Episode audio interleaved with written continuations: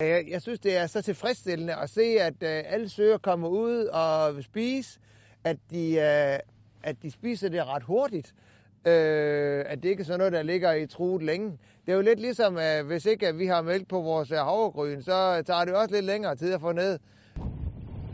Jeg er ret positivt overrasket uh, over både sommer og vinter at fodre med, med grød, og jeg synes, det er genialt godt.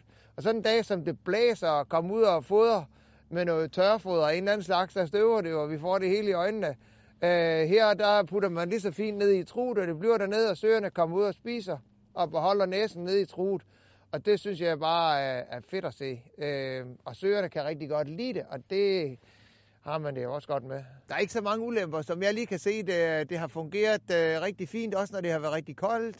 Øh, søerne får jo øh, sådan i gennemsnit 10 liter vand per so. øh, og det er jo en rigtig god starter at få på, når man lige hopper ud af hytten. Øh, og jeg synes, det er ret nemt at håndtere, selvom det er koldt. Nu har vi ikke prøvet store minusgrader endnu. Men øh, minus 5 har vi prøvet, og der fungerer det rigtig fint. Øh, og så er det vigtigt, at vi får lavet den rigtige konsistens af det her grød, som vi nu kører ud. At det ikke er sådan noget sjask, men at det er sådan en, en fin grød, at, at de får.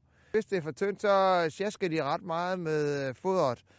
Øh, men hvis det er sådan noget grød, der hænger lidt sammen, så, øh, så beholder de næsen nede i truet, og så, øh, så spilder vi ikke noget foder omkring truet.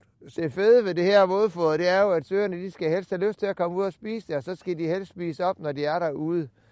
Øh, og det gør jo, at øh, så er der ikke så meget til fuglene. Og det, som vi kan se af fuglene her, det er, hvis vi lige spiller en lille klat ved siden af fodertrut normalt, eller hvis der er en so, som ikke rigtig kommer ud og spiser det, den skal.